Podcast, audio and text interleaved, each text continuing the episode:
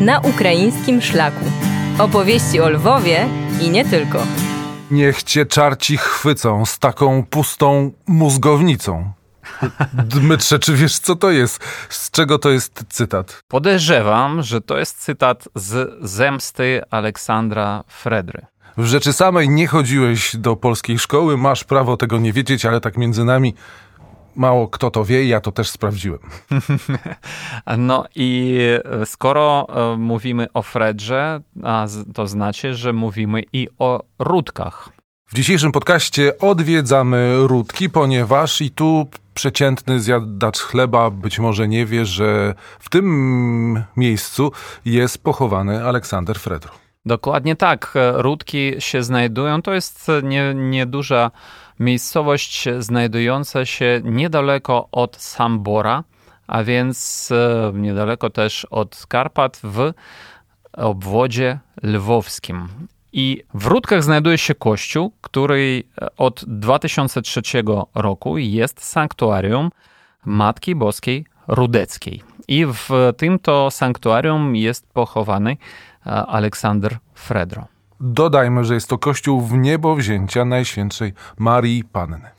W ogóle te, e, kościół na tym miejscu był wybudowany, pierwszy kościół jeszcze aż w XIV wieku, tylko on był drewnianym i dalej e, z płynem czasu e, zmieniali się też kościoły, a ten, który my możemy zobaczyć dzisiaj, był wybudowany w 1728 roku z fundacji urbańskich. Co ciekawe, że ta świątynia jest naprawdę duża i może pomieścić prawie 2000 e, ludzi.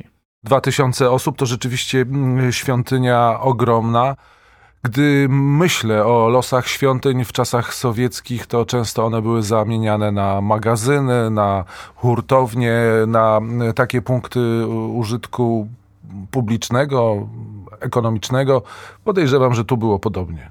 Dokładnie tak, e, bo to e, w czasach sowieckich ta świątynia pełniła funkcję hurtowni spożywczej i weterynarnej apteki. No a już e, kiedy Ukraina odzyskała niepodległość, to została zwrócona wiernym. Ciekawe, że w 1921 roku biskup przemyski Józef Pelciar koronował obraz Matki Bożej Rudeckiej.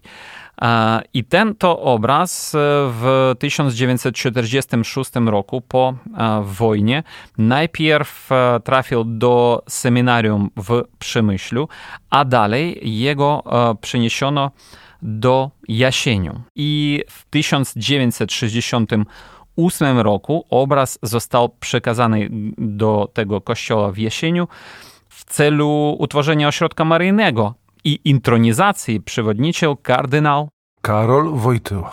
Tak, ale w 1992 roku ten obraz, cudowny obraz Matki Boskiej Rudeckiej został skradziony niestety z tego kościoła i dzisiaj w Rudkach e, od 1995 e, roku przybywa kopia tego obrazu. No ale to nie zmienia faktu, że e, to jest dzisiaj e, sanktuarium maryjny, który przyciąga licznych e, pielgrzymów i e, też miłośników twórczości Aleksandra Fredry. A losy obrazu są do tej pory nieznane. Dokładnie tak. Więc my mamy na razie tylko kopię tego cudownego obrazu w Rudkach. Ale trzeba powiedzieć, że nie tylko w Rudkach zachowały się zabytki związane z Aleksandrem Fredrą, a, a i w wsi, która dzisiaj nazywa się Wysznia, a za czasów e, Fredry i mm, za czasów do e, komunistycznych nazywała się Beńkowa Wysznia. W tej Beńkowej Wyszni e, jeszcze rodzice przyszłego pisarza, a mianowicie Jacek i Mariana z Dębińskich Fredry, Fredrowie, wybudowali pierwszy dwór, który wiarygodnie pozostał do dnia dzisiejszego, ale w 1835 roku Aleksandr Fredro wybudował nowy piętrowy pałac, w którym nie na stale mieszkał, bo mieszkał zwykle w, w Lwowie, ale często, bardzo często przyjeżdżał do Beńkowej Wyszni. No a trzeba powiedzieć, że losy i życie Aleksandra Fredry było też bardzo barwnym jeszcze przed tym, jak on został pisarzem. Aleksandro Fredro był znany jako dramaturg, ale był również polskim patriotą i brał udział w kampanii napoleońskiej. Został nawet uwięziony w Wilnie. Dokładnie. Trafił do niewoli rosyjskiej e, w Wilnie i w ogóle za kompanią e, napoleonską e, dostał krzyż Virtuti Militari. Ja tak naprawdę nie pamiętam innego pisarza, który by cieszył się tym, że jest kawalerem Virtuti Militari. Aleksander Fredro umarł w 1876 roku, a dalej już jego syn zaczął przebudowę tego pałacu, Jan Aleksander Fredro. I z tych czasów na bocznej elewacji e, pałacu jest przepiękny herb e, bącia ich e, rodu, na którym też jest jeszcze dewiza Friede Herr. I można to zobaczyć, i, mm, i, to jest jeden z największych takich herbów, który pozostał do naszych czasów. Trzeba też e, wspomnieć, że Aleksander Fredro był e, dziadkiem Andrzeja, jak mówią w Lwowie, Szeptyckiego.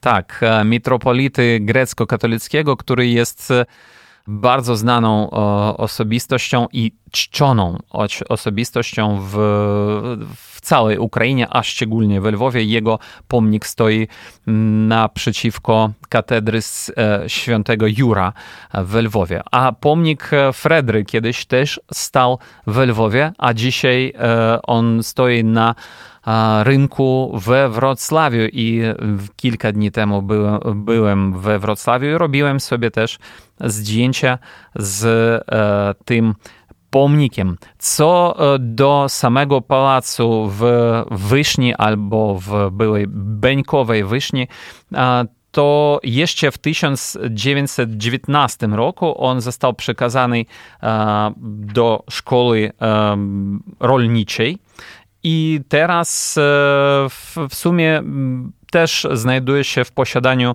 koledża agrarnego, czyli rolniczego. I znajduje się w tym pałacu też e, mały muzeum, który jest poświęcony Aleksandrowi Fredrze.